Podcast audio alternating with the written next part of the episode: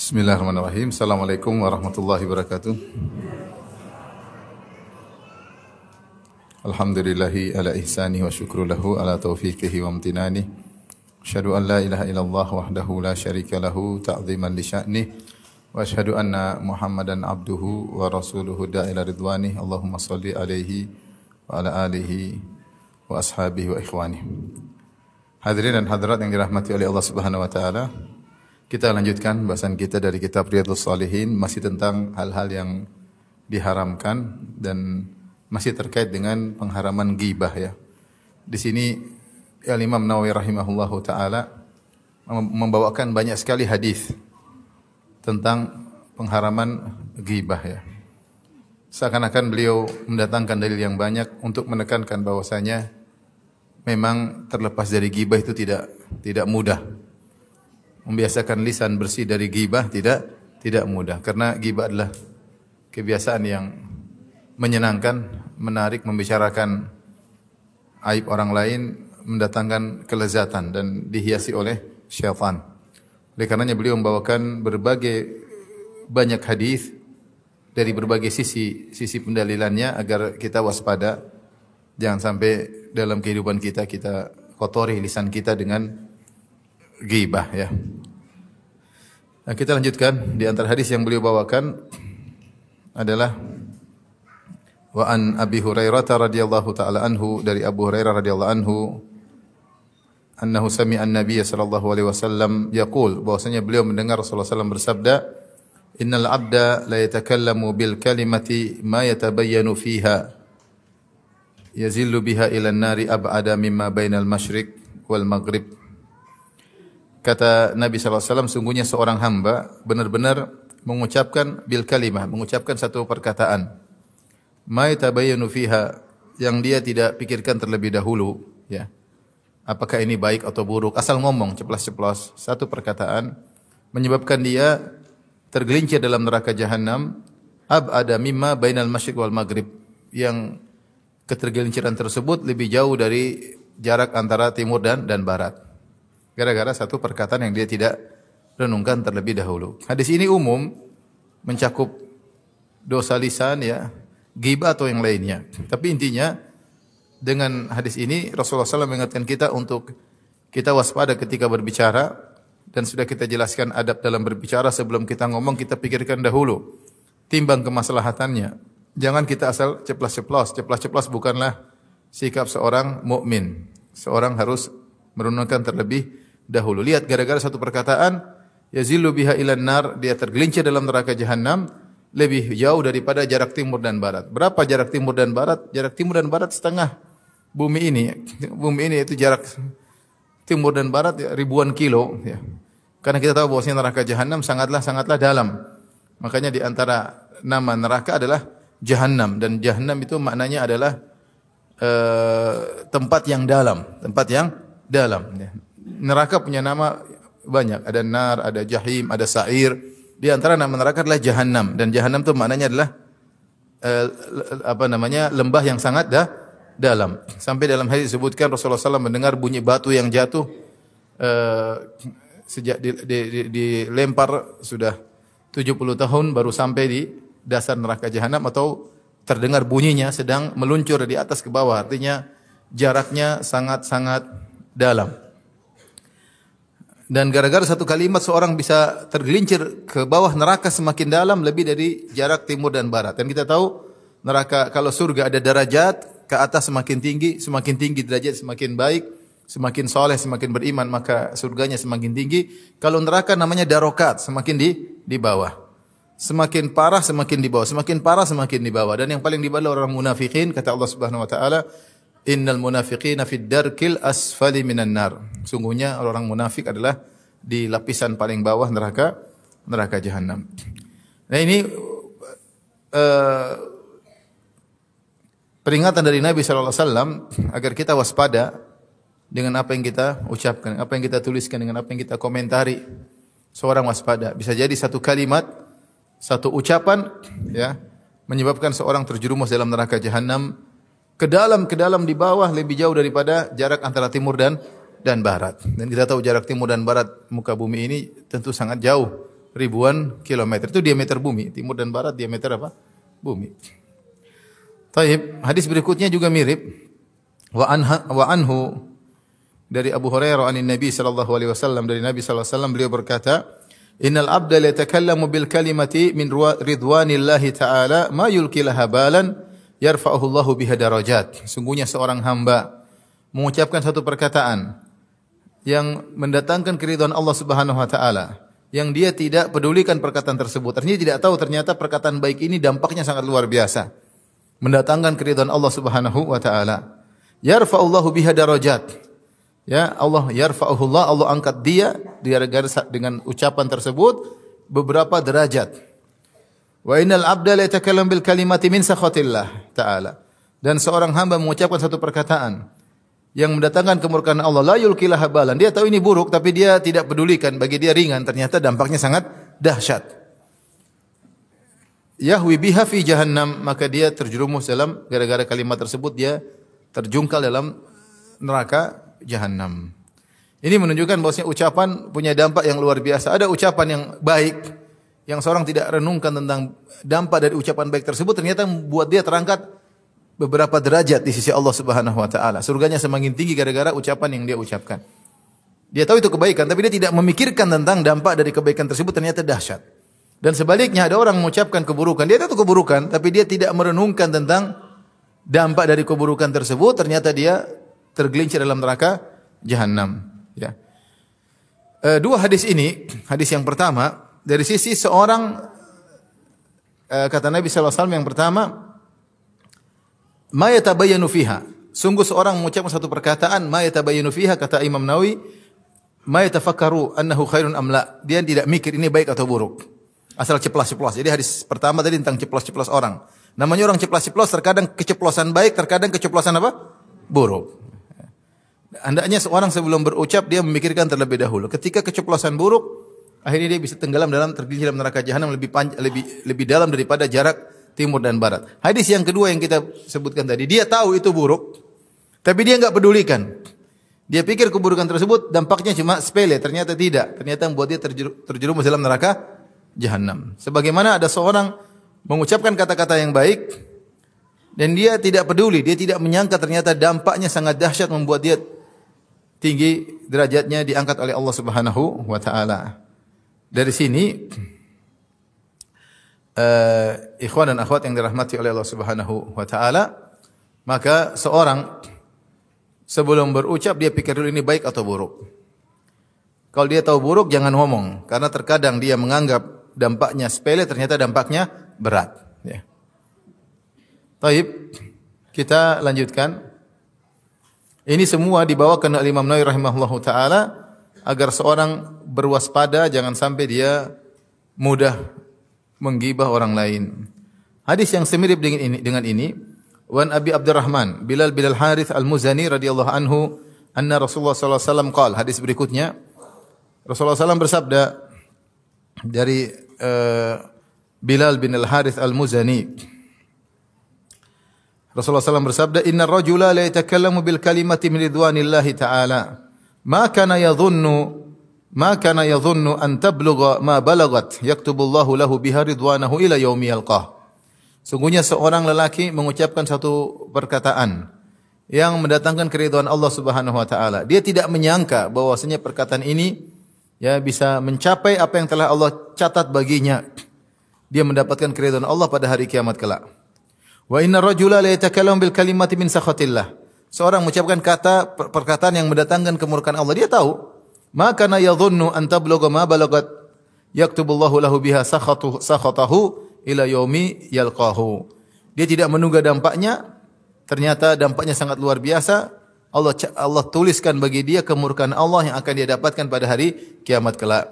Ini hadis uh, menjelaskan hadis sebelumnya perkataan Nabi la yulqilah habalan. Seorang mengucapkan kebaikan dia tidak pedulikan. Tapi dia itu tuh baik. Dan dia tidak menduga dalam ini disebutkan ma yakana yadhun, dia tidak menduga. Ternyata ucapan baik ini dampaknya luar biasa, mendatangkan keridhaan Allah yang besar baginya pada hari dia bertemu dengan Allah Subhanahu wa taala. Allah sangat meridhoinya gara-gara ucapan yang dia pernah ucapkan ketika semasa hidupnya. Dan sebaliknya ada seorang mengucapkan perkataan buruk dan dia tidak menduga dampaknya luar biasa. Ternyata ucapan tersebut mendatangkan kemurkaan Allah pada hari kiamat ketika dia bertemu dengan Allah Subhanahu wa taala. Mungkin dia tidak lihat dampaknya di dunia, tapi lihat dampaknya di di akhirat. Ini dalil bahwasanya terkadang dampak itu tidak tidak didapatkan di dunia. Dia mengucapkan kata-kata yang baik. Dia tidak menduga ternyata Allah sangat ridho kepada dia ketika di hari kiamat. Gara-gara ucapan yang ucapkan di dunia. Dan sebaliknya ada orang ngomong seenaknya saja. Ngomong seenaknya, komentar seenaknya, menuduh seenaknya. Dia tahu itu tidak benar, tapi dia seenaknya. Dia tidak terkena dampaknya di dunia, tapi dia dapati ketika di akhirat ternyata Allah sangat murka kepada dia gara-gara ucapan yang dia ucapkan tersebut. Hadis tadi riwayat Al Imam Malik dalam kitabnya Al Muwatta dan juga diriwayatkan Tirmizi dan Imam Tirmizi berkata hadithun hasanun sahih, hadis hasan sahih. Baik, hadis berikutnya Wa an Sufyan bin Abdullah radhiyallahu anhu qala ya. Jadi subhanallah perkataan hendaknya seorang merenungkan sebelum dia ucapkan. Komentar hendaknya dia berhenti, dia pikirkan terlebih dahulu sebelum dia komentar. Tuduhan hendaknya dia merenungkan terlebih dahulu sebelum dia menuduh. Klaim hendaknya dia renungkan dulu sebelum dia mengklaim dirinya atau mengklaim orang lain. Ya. Betapa kita lihat dalam sejarah orang yang akhirnya di, di, di, di dimusuhi gara-gara perkataan yang dia ucapkan. Kalau dia ucapkan karena karena Allah dimusuhi enggak ada masalah ya. Di antara ciri-ciri orang beriman la yakhafuna laumata laim, tidak tidak takut dengan umpatan orang-orang yang mencela ke dalam rangka di jalan Allah Subhanahu wa taala. Namun kadang-kadang gara-gara perkara duniawi, kalau dia di atas kebenaran dicela orang masih mending, tapi kalau ternyata dia salah, akhirnya dibenci orang, dimusuhi orang. Bahkan di antara mereka ada yang dibunuh, ya. Sampai dalam ada sebuah buku judulnya itu Syuara, ada para penyair yang dibunuh oleh syair mereka sendiri. Para penyair yang dibunuh oleh syair mereka sendiri. Mereka bikin syair-syair hija, syair-syair mencela, akhirnya yang dicela tidak terima, akhirnya mereka dicari dan mereka dibunuh gara-gara syair-syair yang mereka buat. Kalau zaman sekarang ada sebagian orang salah ngomong bisa di penjara, bisa. Ya. Ini baru kita dampak di dunia. Dampak di dunia kadang Allah lihatkan dampak di akhirat lebih dahsyat. Dampak di akhirat lebih dahsyat. Maka seorang sebagaimana dia waspada di dunia, dia tahu dampaknya kalau salah ngomong ya. Dan bisa saja dia salah ngomong ada yang ngelaporin sehingga dia dikasuskan ya. Apalagi di di akhirat Allah yang akan menyidang. Maka seorang waspada, ucapan ini bukan perkara yang sepele. Ya, seorang bisa masuk Islam gara-gara ucapan dan seorang bisa keluar dari Islam gara-gara ucapan. Waspada.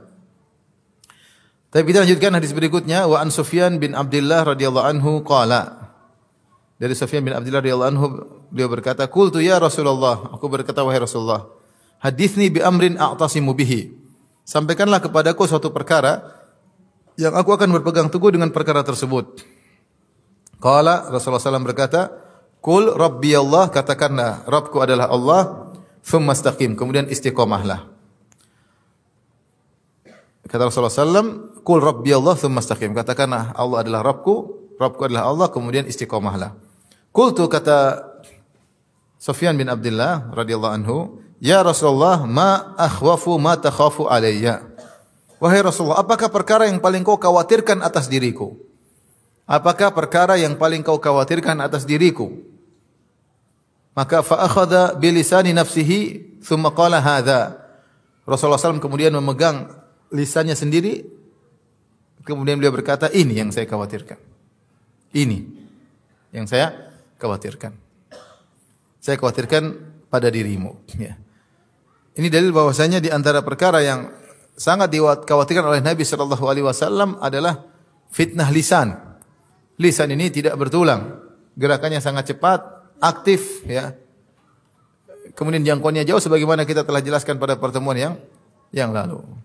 Dan saya katakan bahwasanya di antara yang mewakili lisan adalah tulisan. Sekarang orang tulis seenaknya, orang komentar seenaknya. Apalagi sudah di dunia maya, yang seandainya kalau berhadapan-hadapan dia tidak bakalan berani apa? komentar. Tapi karena dunia maya, dia ngomong seenaknya. Dia pikir hukumnya beda antara dunia maya dengan ketemu langsung, hukumnya sama. Kalau ketemu langsung dia nggak berani. Tapi ketika dunia maya tidak ketahuan siapa dia, dia asal komentar, asal ngomong, menyinggung orang, menyakiti hati orang, nuduh sembarangan, berdalil ber, ber, berhujah berargumentasi dengan berita palsu entah dari mana kemudian mencaci maki orang dia pikir kalau dunia maya hukumnya beda sama saja ya. cuma ketika dunia maya dia dia lebih berani dia tidak ketahuan sampai dirinya dan dia bebas menukil dia bebas mencaci maki dan dia akan merasakan dampaknya di akhirat akhirat kelak maka fitnah lisan fitnah komentar sangat berbahaya ketika Sofyan bin Abdullah bertanya, "Ya Rasulullah, apa yang paling engkau khawatirkan atas diriku?" Kata Nabi ini, "Jaga lisanmu. Hati-hati lisanmu tersebut." Apalagi zaman sekarang, ikhwan, nasihat saya pada saya pribadi, pada bapak dan ibu-ibu, ibu udah ngaji lama, udah ngaji lama, hati-hati musim politik. Udah jangan jangan terlalu banyak omong. Jangan terlalu banyak omong. Nanti berantem sama sesama orang ngaji, berantem sama kaum muslimin, berantem sama suami, suami pilih nomor satu, ibu pilih nomor dua. Terus habis berantem berantem, kemudian nomor satu dua bergandengan tangan, kepala pusing lagi. Oleh karenanya nggak usah lah gelar ini, gelar anu, kasihan saya lihat. Dia kalau berantem karena agama, terkadang karena duniawi, cuma dipoles dengan apa? Agama. Casingnya casing agama, ternyata politik ya. Saya punya kawan dua, ya agak berseberangan dengan uh, memiliki dua sikap yang berbeda dengan pemerintah. Ada yang mendukung, ada yang tidak mendukung.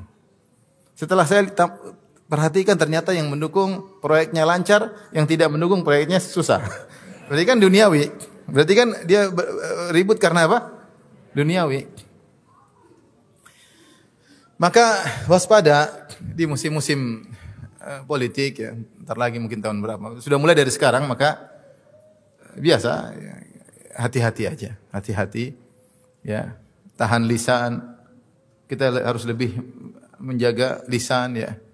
Jangan menempelkan tuduhan kalau kita nggak punya bukti yang nyata. Ya. Jangan juga menerima berita kalau tidak punya bukti yang nyata. Kata Allah Subhanahu wa taala, "In ja'akum fasikum binaba'in fatabayyanu." Jika datang orang fasik memberi berita, maka cross check dulu. Sumber-sumber berita yang ada Ya. Apakah datang dari orang beriman? Kita nggak kenal siapa yang menulis berita tersebut. Maka jangan sampai kita sudah ngaji bertahun-tahun hancur gara-gara lisan kita yang tidak bisa kita jaga. Maka yang paling khawatir lisan. Itu kalau punya kebijakan politik silahkan ya, lakukan tanpa harus melakukan dosa waspada maksud saya. Waspada karena eh, faktor-faktor uh, yang mancing seorang untuk tidak menjaga lisan sangat besar terutama mulai tahun-tahun politik. Kita sudah pengalaman tahun lalu. Sudah berbagai macam gelaran. Kita digelari atau kita menggelari. Akhirnya yang tersisanya catatan, dendam yang tidak hilang, catatan akan dibuka pada hari kiamat kelak. Entah apa yang kita bela, entah apa yang kita lawan, entah duniawi, entah karena akhirat. Wallahu a'lam bisawab. Keselamatan adalah lebih baik meninggalkan semua yang kita ragukan. Taib. Jadi ini yang dikhawatirkan oleh Nabi SAW bahaya lisan. Kemudian hadis berikutnya Wan Ibnu Umar radhiyallahu anhuma dari Ibnu Umar radhiyallahu anhuma qala Rasulullah SAW bersabda dia beliau berkata qala Rasulullah SAW Rasulullah SAW bersabda la tukthirul kalam bi ghairi dzikrillah taala jangan memperbanyak pembicaraan Eh, tanpa ada zikrullah. Itu pembicaraan yang kosong dari mengingat Allah Subhanahu wa taala, dari mengingat akhirat, dari mengingat agama. Ya. Zikrullah itu mengingat Allah Subhanahu wa taala itu bisa dengan berzikir dengan menyebut namanya. Misalnya bilang subhanallah walhamdulillah atau Allahu akbar wala haula wala quwata illa billah. Zikrullah juga di antaranya dengan baca Al-Quran. Karena dalam Al-Quran kita pasti akan menyebut Allah subhanahu wa ta'ala. Di antara zikrullah adalah dengan beramar ma'ruf nahi mungkar karena kita beramar nahi mungkar adalah kita untuk karena Allah Subhanahu wa taala. Di antara zikrullah adalah belajar agama. Di antara belajar agama. Oleh karenanya dalam Al-Qur'an Allah menamakan pelajaran agama dengan zikrullah. Seperti firman Allah Subhanahu wa taala, "Fas'alu ahla dzikri in kuntum la ta'lamun." Bertanyalah kepada ahlu zikir kalau kalian tidak mengetahui. Yang dimaksud zikir sini maksudnya ahlul ilm, orang yang ber, berilmu.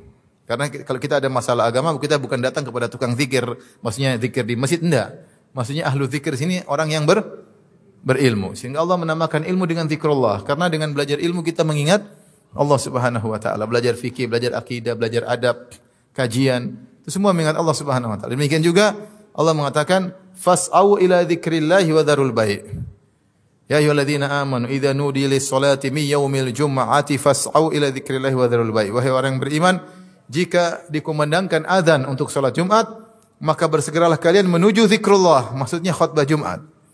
Maksudnya apa khutbah? Jumat dan khutbah Jumat Allah sebut dengan apa? Zikrullah karena di situ isinya nasihat. Wajangan mengingatkan orang kepada akhirat. Maka ini isyarat dari Nabi, la tukthirul kalam bi ghairi dzikrillah. Jangan perbanyak pembicaraan yang di situ tidak ada mengingat Allah Subhanahu wa taala. Kita berusaha dalam pembicaraan apa pun sama keluarga, sama kawan-kawan, ada kita selipkan tentang akhirat. Ada kita selipkan istighfar di tengah pembicaraan tersebut, ya. Astagfirullah.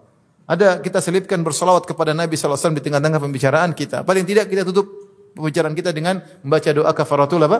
Majelis.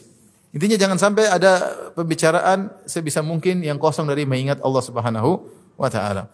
La tuksiru, artinya boleh, tapi jangan kebanyakan. Boleh kita berbicara perkara mubah. Kita bicara tanpa ada mengingat akhirat, boleh kita ngobrol sama istri, ngobrol anak, boleh. Tetapi jangan terlalu apa? Banyak. Hendaknya pembicaraan tercampurkan dengan mengingat akhirat. Kenapa kata Rasulullah SAW?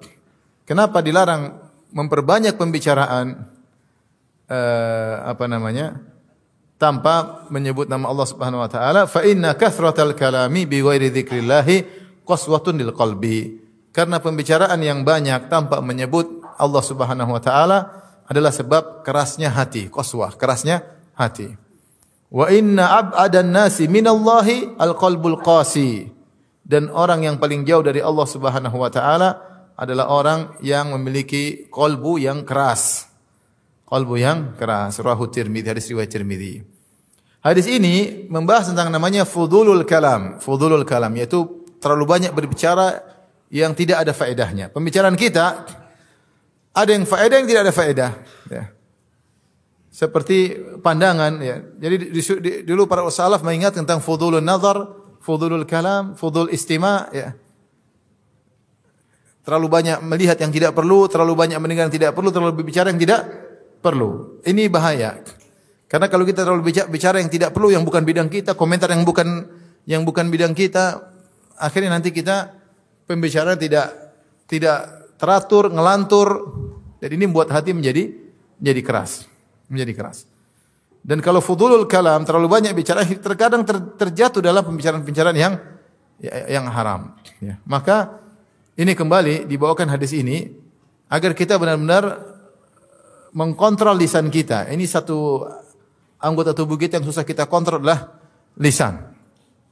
Kita perhitungan, sekarang kita dalam keseharian kita ngobrol sama si fulan, sama si fulan, sama si fulan. Coba cek berapa persen yang tidak ada disebut nama Allah di situ. Kalau banyak waspada itu menyebabkan hati menjadi apa? Keras. Hati menjadi keras. Untuk bayangkan seorang duduk ngobrol sama uh, seorang pelawak satu jam dua jam tanpa ada nama Allah sama sekali. Hatinya keras atau tidak? Keras. Keras. Dia nama Allah Subhanahu karena disebut nama Allah mengganggu, mengganggu ketentraman uh, lagi asyik, ketawa ketiwi.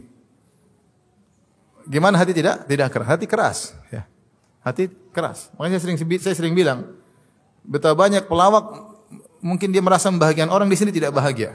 Di sini tidak bahagia. Betapa banyak pelawak yang terkena kasus karena tidak mendapatkan kebahagiaan, kasus ke rumah tangganya, kasus e, narkoba, ya, macam-macam. Ya. Oleh karenanya seorang bukannya tidak boleh, kita boleh bicara lucu-lucu, kita boleh menyenangkan orang, tapi jangan berlebihan. Yang dilarang apa adalah ber berlebihan. Rasul mengatakan la tuksiru. Ya. La tukthir jangan kebanyakan, jangan kebanyakan. Dalam riwayat la tukthir dhahik fa inna kathrata dhahik tumitul qulub. Jangan terlalu banyak tertawa. Banyak tertawa itu mematikan apa? Mematikan kolbu, mematikan hati. Sekali tidak mengapa. Biasa bumbu pembicaraan, Rasulullah SAW juga tertawa, para sahabat juga tertawa, terkadang para sahabat tertawa di masjid ya. Biasa ya. Tapi jangan banyak. Di sini seorang hadis ini menyuruh kita untuk mengontrol lisan kita. Kalau kita bicara jangan sampai kosong terus dari mengingat Allah Subhanahu wa taala. Di sela-sela kita istighfar, di sela-sela kita bersalawat kepada Nabi sallallahu alaihi wasallam. Paling tidak setelah pembicaraan kita baca doa apa? Kafaratul majlis. Paling tidak. Karena kebanyakan pembicaraan tidak ada perlunya, membuat hati apa? Keras, buat hati keras. Ya. Sama, terlalu banyak melihat tidak ada perlunya bikin hati keras. Terlalu banyak lihat medsos bikin hati keras. Kalau hati sudah keras, apa ciri-cirinya? Salat susah khusyuk. Susah menangis tatkala bersendirian. Kalau diomelin suami baru nangis. Kalau sendirian lagi beribadah tidak apa? Tidak nangis. Susah. Baca Quran berat, baru satu halaman sudah merasa berat. Ngantuk tiba-tiba. Ya. Ciri-ciri hati apa? Keras, repot. Ya. Belum nanti menjalar pada penyakit-penyakit yang lain, sombong, angku dan yang lainnya. Kenapa? Karena terlalu banyak berbicara yang tidak pada tidak ada kepentingan. Kalau ada kepentingan gak ada apa-apa urusan bisnis ada kepentingan kita niatkan untuk hasil untuk keluarga, untuk umrah, untuk haji, oke okay, nggak ada masalah. Itu semua karena Allah intinya. Taib. Ini yang perlu kita perhatikan bahwasanya fa inna kathratal kalami bi ghairi dzikrillah qaswatun lil. Sungguhnya terlalu banyak omong tanpa mengingat Allah Subhanahu wa taala adalah menyebabkan kerasnya kerasnya hati. Kalau keras sudah hati susah kita bahagia. Susah kita bahagia. Ada orang ketawa-ketawa tentu bahagia. Ada orang duduk di, di masjid nangis dia bahagia. Dia baca Quran nangis tapi dia bahagia. Kenapa? Kebahagiaan siapa yang kasih? Allah atau manusia? Yang kasih siapa? Allah. Dia baca Quran dia nangis tapi dia bahagia. Lima imam masjid Masjid Haram itu suka nangis. Itu bahagia apa? bahagia atau tidak bahagia? Mereka bahagia. Dalam tangisan mereka mereka apa? Bahagia. Dalam tangisan mereka mereka bahagia.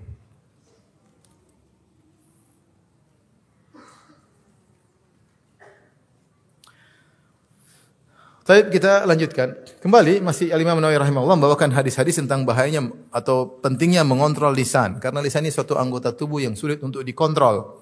Kalau tangan kaki masih bisa dikontrol, lisan ini agak susah dikontrol. Hadis berikutnya wa an Abi Hurairah radhiyallahu taala anhu dari Abu Hurairah radhiyallahu anhu qala beliau berkata kalau Rasulullah sallallahu alaihi wasallam Rasulullah sallallahu bersabda man waqahu Allahu syarra ma baina lahyaihi wa syarra ma baina rijlaihi dakhala jannah Rawahu Tirmidzi wa qala haditsun hasanun. Kata Nabi SAW, siapa yang Allah jaga dia dari keburukan apa yang ada di antara dua rahangnya, inilah rahang ya, maksudnya lisannya. Apa yang ada di antara dua rahang, maksudnya apa? Lisan. Ini apa namanya? Rahangnya. Ya, di antara dua rahangnya siapa yang bisa Allah jaga dari keburukan lisannya, ma baina rijlaihi dan keburukan yang ada di antara dua kakinya yaitu keburukan kemaluannya, maka dia akan masuk surga. Dia akan masuk surga. Ini sudah pernah kita singgung. Rasulullah mengatakan, yatman li, siapa yang menjamin bagiku lisan dan kemaluannya dijaga, maka aku jamin bagi dia apa? Surga. Di sini sama dengan makna yang sebelumnya.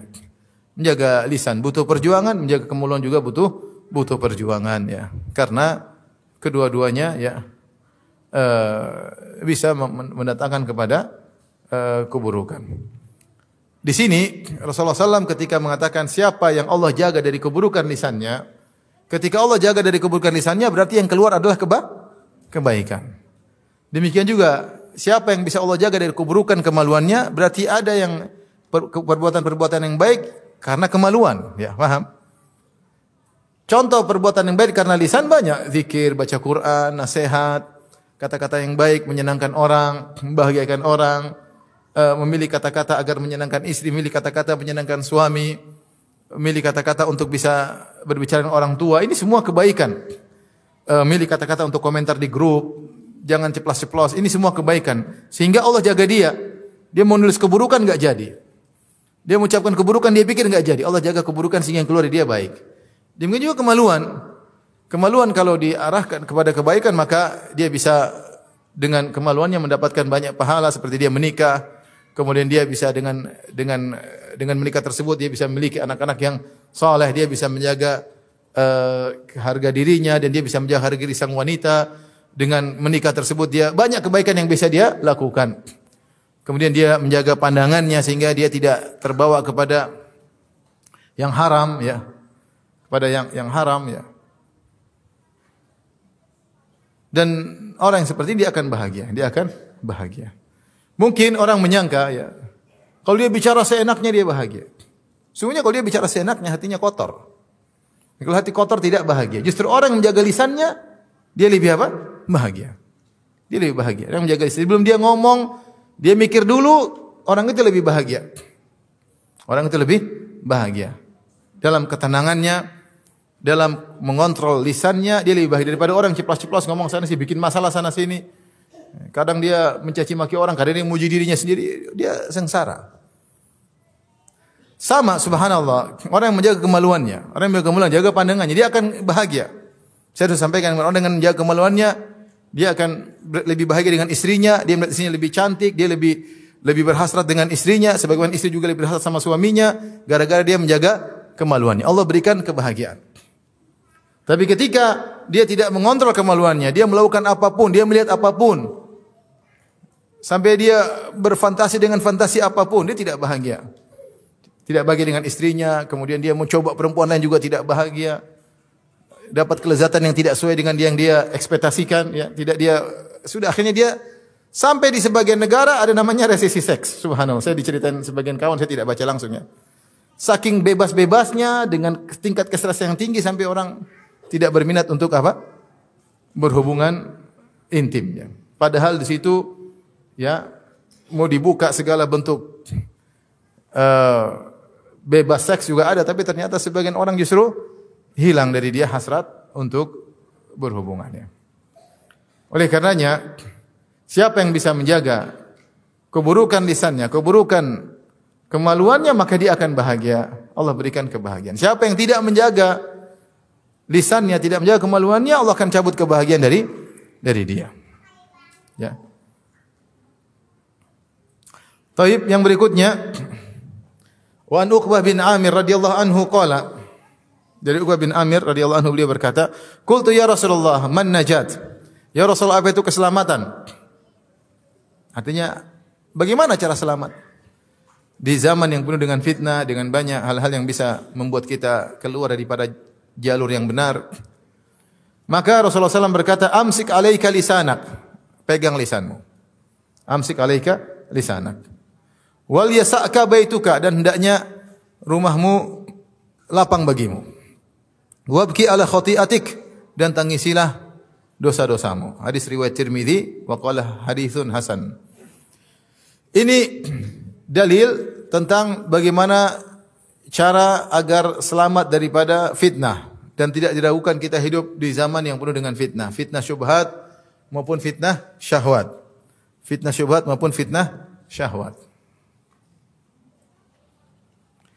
Dan di antara cara selamat dari fitnah-fitnah tersebut, di antaranya adalah menjaga lisan, amsik alaika lisanak, pegang lisanmu, tahan lisanmu. Wal yasaka baituka dan jadikan rumahmu lapang, artinya jangan sering keluar rumah, tenang di rumah, ya. Sibuk dengan privasimu. Ini syarat sibuk dengan apa? Privasi.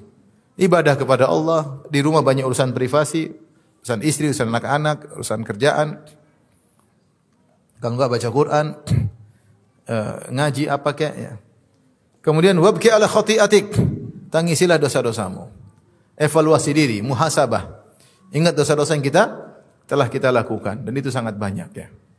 Ini cara selamat dari fitnah-fitnah yang yang ada.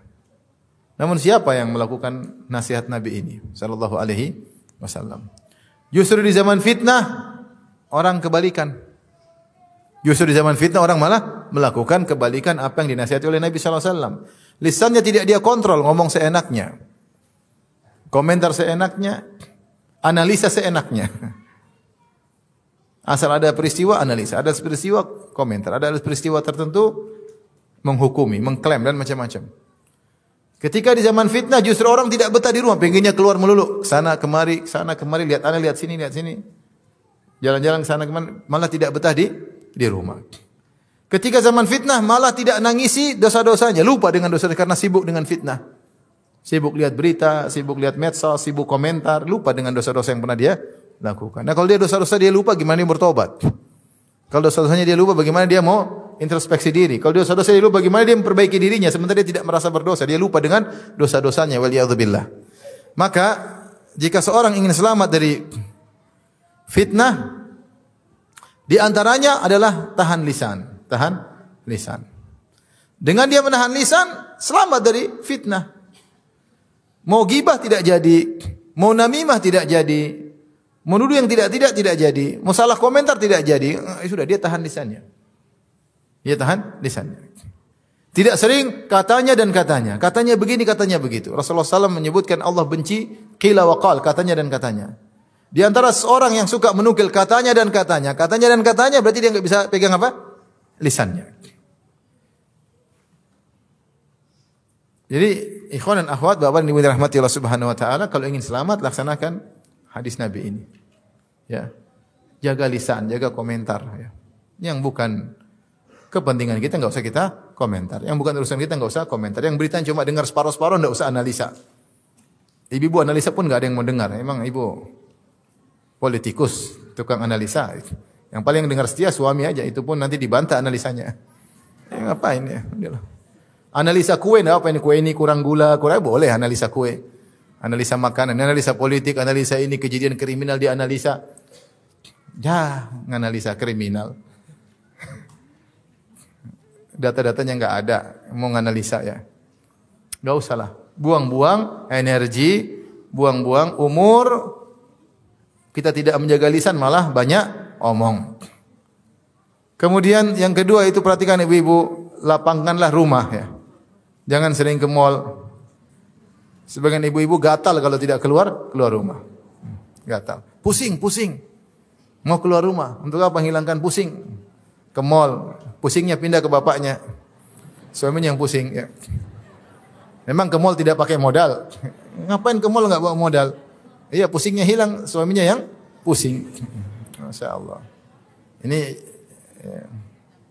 Ingat kata wal yasaka wal yasaka baituka hendaklah rumahmu jadi lapang. Di rumah banyak urusan. Banyak kita mau ngurus, ngurus anak-anak, ngurus suami, ngobrol dengan suami.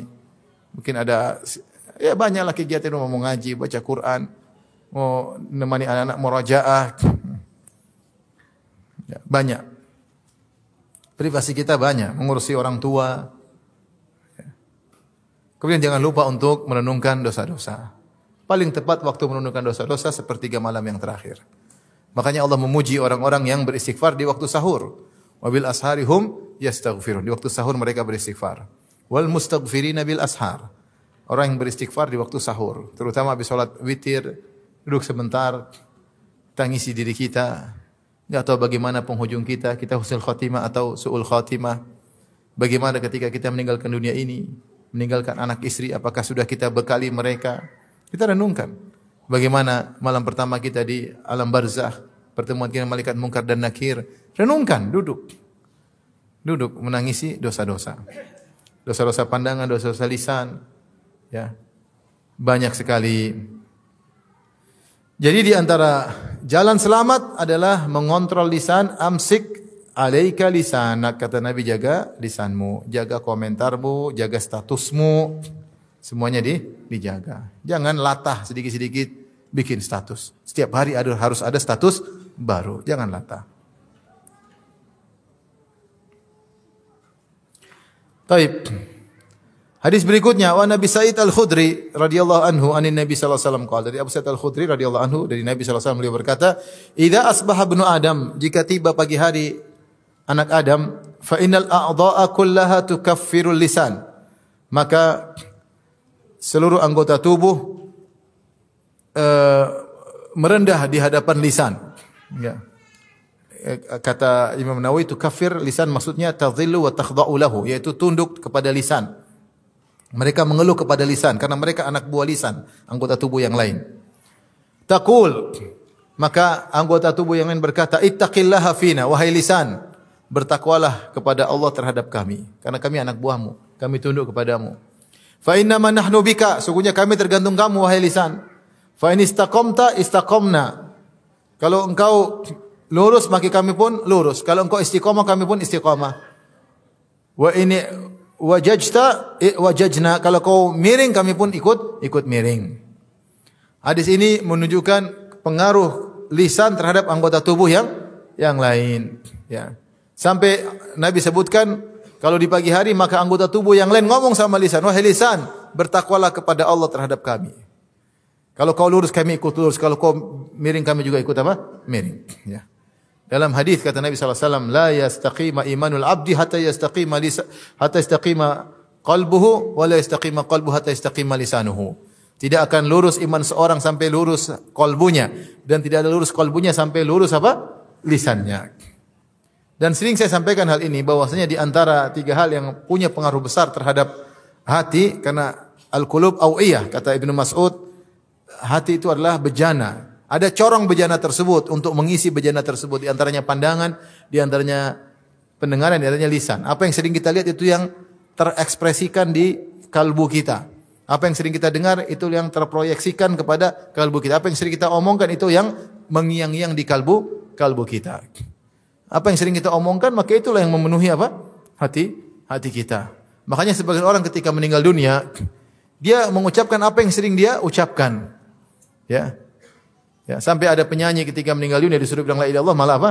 Nyanyi. Karena itu yang mengisi apa? Hatinya. Dan kata para kata para ulama patah Arab mengatakan kullu ina'in bima fihi yang dahu. Setiap bejana itu akan me, me, apa namanya?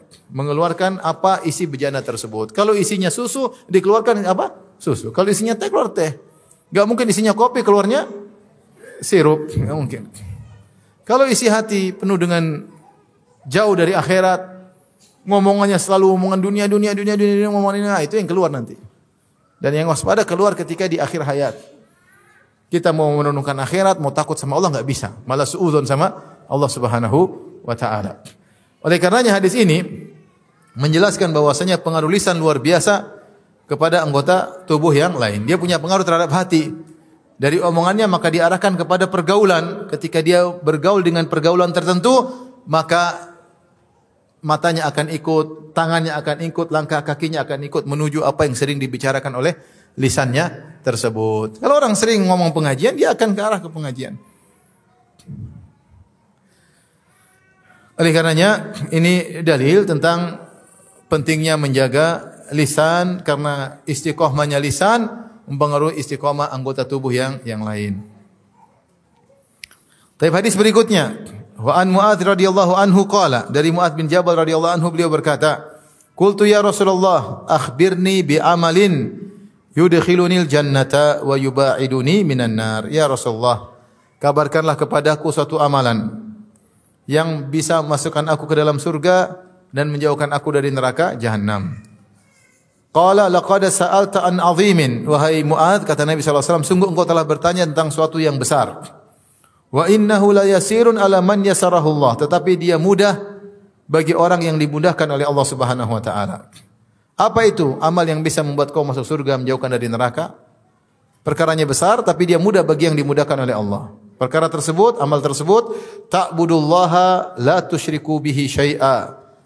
Engkau beribadah kepada Allah dan tidak berbuat syirik sama sama sekali.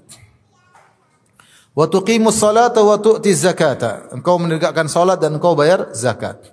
Wa tasumu ramadhana. Engkau berpuasa di bulan Ramadan. Wa tahujjul baita in istata'ta ilaihi sabila. Dan engkau hajian jika kau mampu. Jadi Rasulullah menyebutkan rukun Islam.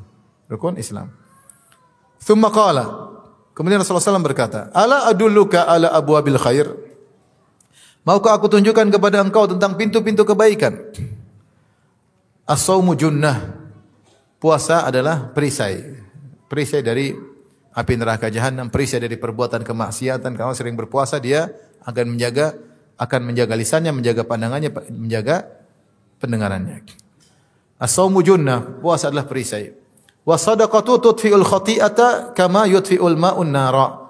Dan sedekah akan meredamkan atau memadamkan dosa-dosa sebagaimana air akan memadamkan api. Ini dalil bahwasanya di antara sebab utama menghapuskan dosa-dosa adalah apa? Sedekah. Makanya dalam hadis ketika Nabi mengatakan, "Ya ma'syaran nisa tasaddaqna." Wahai para wanita, banyaklah kalian bersedekah. Kenapa kata Nabi disuruh banyak bersedekah? Fa inna kunna aktsara bi jahannam. Karena kebanyakan kalian eh, kalian adalah penghuni neraka jahanam yang paling yang paling banyak. Jadi Rasulullah mengarahkan agar kalian para wanita mudah untuk selamat dari neraka jahanam harus banyak ber, bersedekah. Ini dalil bahwasanya sedekah di antara sebab utama untuk menghilangkan dosa-dosa. Makanya Allah sebutkan di antara impian seseorang ketika akan meninggal dunia, dia ingin dikembalikan sebentar saja untuk bisa ber, bersedekah. Ya. Wa anfiqu mimma razaqnakum min qabli ayati ahadakumul maut fayaqula rabbi laula akhartani ila ajalin qaribin fa asaddaqa. Ya. Berinfaklah dengan sebagian yang kami berikan beri kepada kalian sebelum datang kematian kepada salah seorang dari kalian kemudian dia berkata, "Rabbi laula akhartani ya Rabbku, seandainya kau tunda kematianku sejenak saja." Laula akhartani ila ajalin qaribin, sebentar saja enggak lama-lama. Buat apa? Fa asaddaqa agar aku bisa bersedekah. Jadi ini dan ibu-ibu, kita ini banyak dosa ya. Kalau ada eh, rezeki sedekah, jangan ragu-ragu ya. Bukan sedekah semuanya ya. Ya se -se sebisanya yang kita bisa. Yang penting makan, udah yang penting udah makan, udah anak udah makan, udah sisanya sedekah. Alhamdulillah istri udah gemuk, anak-anak udah gemuk sudah. Saya sampai saya bilang, saya sampai mau tulis status tapi nanti ibu-ibu pada marah ya. Saya mau tulis status suami siapa saja yang istrinya diet berarti dia telah menunaikan kewajibannya. Ya, suami siapa saja yang istrinya sampai diet berarti dia telah menunaikan kewajiban nafkahnya maksudnya. Ibu-ibu kalau ada yang mulai diet-diet berarti suami sudah melakukan kewajiban enggak? Berarti kan sudah berlebihan makanannya kan?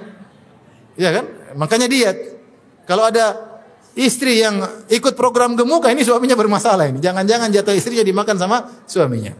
Tapi selama selama istri masih diet, kurang-kurangi makan, takut makan, ah itu berarti suaminya sudah Berhasil, berhasil. Maksud saya kalau suatu keluarga alhamdulillah kebutuhan primer sudah terpenuhi, rumah ada, kendaraan ada, anak-anak sekolah, istri gemuk, selesai. Sisanya sisanya sedekah. Eh, sisanya sedekah. Ya, uang banyak mau ngapain? Ya. So, uang banyak kalau nggak punya duit lain cerita ya. Saya bicara tentang yang punya duit. Saya bicara tentang istri-istri yang diet. Yang ikut program gemuk ya, itu urusan lain cerita ya. Ini artinya duit berlebihan buat apa? Alhamdulillah makan sudah Kita mikir akhirat kita. Kita harus punya deposit di mana di akhirat. Pertama kita harus punya deposit dan kedua dosa kita ini banyak. Di antara amal soleh yang paling mudah memadamkan memadamkan panasnya dosa adalah apa? Sedekah. Rasulullah berkata, ya, wasadaqatu tudfi'ul khati'ata kama yudfi'ul ma'un nara. Sesungguhnya sedekah itu meredamkan panasnya dosa sebagaimana api memadamkan apa? Air memadamkan apa? Api. Ya. Oleh karenanya uh, harus ada sedikit untuk kita sedekahkan dan itu perlu dilatih, perlu di, dilatih. Demi Allah kalau anti pelit sampai mati pelit terus. Ya. Kalau tidak berani ngeluarin uang sedikit seratus ribu, nggak bakalan berani keluarkan sedekah seratus ribu. Selalu seribu, selalu seribu. Mau sampai kapan? Sampai Napas terakhir masih sedekah seribu. Sampai kapan? Meningkat dong sepuluh ribu, seratus ribu, dua ratus ribu, satu juta. Insya Allah itu deposit kita ya. Sedikit start. Allah yang Allah lihat bukan masalah banyak sedikit, terakhir Allah lihat persentasinya. Bosnya apa yang kau keluarkan itu adalah sekian persen dari hartamu. Ya. Ya. Makanya dalam satu hadis sabaqa dirham miat dirham. Maknanya seperti itu. Satu dirham mengalahkan seratus dirham. Kenapa satu dirham yang dikeluarkan? Orang miskin yang bersedia satu dirham. Mengalahkan seratus dirham yang disediakan oleh orang kaya. Kenapa satu dirham ini adalah sekian persen dari apa? Hartanya. Oleh karenanya apa ada rezeki jangan pelit. Ya. Kalau memang kita nggak punya itu lain cerita. Ada uzur syar'i. Kita juga butuh. Anak-anak saja belum makan, istri saja belum gemuk, masih kurus ya sudah. Mau diapain? Masuk kasih gemuk istri orang, istri kita kurus ya nggak bisa lah. Istri kita gemuk dulu baru istri Baru janda yang kita kasih gemuk. Istri kita dulu gemukin ya. Maksud saya, uh, tapi jangan jangan malah sedekah. Dan banyak kejadian suami jadi rajin bersedekah gara-gara istrinya. Istri yang motivasi. Dan banyak suami dan ini mungkin lebih banyak pelit gara-gara istrinya. Ini mungkin lebih banyak ya. Istri, suaminya jangan dulu mas belum ini belum belum nggak jadi nggak jadi terus. Kalau ketahuan suaminya bersedekah tidak laporan ngomel-ngomel kamu kok sedekah tidak bilang-bilang. Jadi banyak suami jadi pelit gara-gara apa? Istrinya. Dan sebagian suami Masya Allah rajin bersedekah gara-gara istrinya. Yang menentukan terkadang di rumah tangga istrinya. Masalah apa? Sedekah. Karenanya di antara pintu-pintu kebaikan yang luar biasa adalah pintu sedekah. Kita lanjutkan. Kemudian Rasulullah SAW berkata, Wa salatul rajuli min jawfil lail.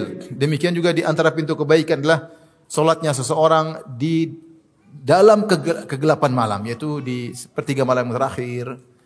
Jawf itu jawf itu dalam maksudnya. Di dalam dalam dalam malam maksudnya di dalam gelap-gelapnya malam. Di antaranya sepertiga malam terakhir. Thumma tala kemudian Rasulullah membacakan firman Allah, "Tatajafa junubuhum anil madaji'i." Lambung mereka jauh dari dari tempat tidur. Artinya mereka bangun. Mereka sholat, sholat malam. Ini juga ibadah yang tidak semua orang bisa melakukannya. Siapa yang diberi taufik untuk bisa sholat malam, bersyukurlah kepada Allah Subhanahu wa taala. Karena itu ciri-ciri orang yang saleh. Bersyukur sama Allah. Yang belum terbiasa bangun malam, berdoa sama Allah Subhanahu wa taala. Ya Allah mudahkan aku untuk bisa bangun bangun malam. Berdoa sama Allah agar bisa kuat bangun malam. Itu masalah kebiasaan saja. Siapa yang terbiasa bangun malam akan biasa bagi baginya. Ada orang bilang susah Ustaz, saya susah bangun malam. Saya bilang enggak susah, cuma enggak punya kemauan. Coba, kamu tidur jam berapa? Jam 10. Bangun jam berapa? Setengah 5. Ya udah tidur jam 9, bangun setengah 4. Kamu tidur jam 10, bangun jam berapa? Setengah 5. Ya udah tidurnya dimajuin. Tidur setengah tidur jam 9, bangun setengah setengah empat. Kan bisa. Ustaz jam sembilan saya belum ngantuk itu masalah kebiasaan. Ada biasa jam sembilan nanti biasa bangun jam setengah empat. Kenapa saya bilang ini masalah kebiasaan, ini masalah kemauan? Buktinya, kalau kamu ada jadwal penerbangan di Cengkareng jam 4, kamu bangun nggak jam 2? Pasti bangun. Karena kamu tidak ingin ketinggalan apa? Pesawat. Karena kamu merasa rugi kalau tidak bisa naik pesawat. Tapi kamu tidak pernah merasa rugi ketika tidak bangun apa? malam. Itu masalahnya saja. Bukan masalahnya bukan tidak bisa, tidak mau. Kalau bisa bisa, cuma ya tadi belum mau ya, bukan tidak mau tapi belum belum mau. Ya. Makanya perlu kerjasama antara suami dan dan istri. Kemudian Rasulullah berkata, "Ala ukhbiruka bi ra'sil amri wa umudihi wa dhirwati sanamihi." Maukah aku kabarkan kepada engkau tentang kepala segala urusan dan tiangnya dan puncak dari segala urusan. Qultu bala ya Rasulullah. Tentu ya Rasulullah, kabarkanlah kepadaku. Qala ra'sul amr al-Islam. Kepala segala urusan adalah Islam. Wa amuduhu dan tiangnya adalah salat. Wa dhirratu sinamihi atau sanamihi al-jihad fi sabilillah. Dan puncak daripada segalanya adalah berjihad di jalan Allah Subhanahu wa taala. Ini pentingnya tentang Islam, tentang salat dan tentang jihad fisabilillah, jihad yang syar'i. Thumma qala, ini yang jadi perhatian kita di akhir hadis. Kata Nabi sallallahu alaihi wasallam, "Ala ukhbiruka bimalaki dzalika kulli atau bimilaki dzalika kulli." Maukah aku kabarkan kepada engkau tentang kunci semua ini? Kunci semua ini yang yang, yang, yang poros semua ini, semua amal soleh porosnya apa? Kunci semua amal soleh saya sebutkan tadi di awal. Ya. Baik sedekah, baik jihad, baik sholat, baik sholat malam. Kuncinya apa? Maukah aku kabarkan kepada engkau kunci semua ini? Qultu ya bala ya Rasulullah. Kata Muaz, tentu ya Rasulullah. Fa akhadha bilisanihi. Rasulullah pun pegang lisannya. Akhadha pegang ini. Artinya Rasulullah SAW benar-benar serius sampai beliau menjulurkan lisan dan memegang lisannya. Kemudian Rasulullah berkata, "Kuffa alaika hadha." Tahan ini. Tahan lisanmu. Muaz berkata, "Qultu aku bertanya, ya Rasulullah, wa inna lamu'akhaduna bima natakallamu bih?" Ya Rasul, apa kita akan disiksa gara-gara ucapan kita? Kata Nabi wasallam, "Sakilat ka ummuk, ibumu kehilanganmu." Ini ucapan gimana kau sih? Masih gampangnya gitu. Gimana engkau ini? Sakilat ka ummuk. Ini bukan doa tapi ucapan ungkapan orang Arab untuk menunjukkan kamu kok gimana? Emang eh, maksudnya seperti itu kira-kira. Wa hal yakubun nasa nari ala wujuhim illa hasaidu alsinatihim? Bukankah yang menjadikan orang-orang terjungkal di neraka di atas wajah mereka di neraka jahanam kecuali akibat panen dari benih-benih lisan mereka. Di sini Rasulullah SAW menggambarkan bahwasanya sebab banyak orang masuk neraka gara-gara apa? Lisan. Kalau kamu bisa jaga lisan, kamu telah memegang kunci ke segala kebaikan. Ini dalil tentang pentingnya menjaga lisan. Karena kebanyakan orang-orang masuk neraka bahkan terjungkal dan digeret di atas wajah mereka gara-gara hasaidu alsinatim akibat ulah lisan lisan mereka. Maka ini semakin uh, menekankan kepada kita agar kita benar-benar menjaga lisan. Jangan sampai salah ngomong. Jangan meremehkan masalah lisan, jangan meremehkan ucapan, jangan meremehkan komentar. Waspada bahwasanya dampaknya sangat sangat besar ya. Taib, sampai di sini saja kajian kita. Bapak Ibu yang rahmati Allah Subhanahu wa taala. Demikian saja kajian kita insyaallah kita lanjutkan pada kesempatan lain. Subhanakallah bihamdik asyhadu an la ilaha illa anta astaghfiruka wa atubu ilaik. Assalamualaikum warahmatullahi wabarakatuh.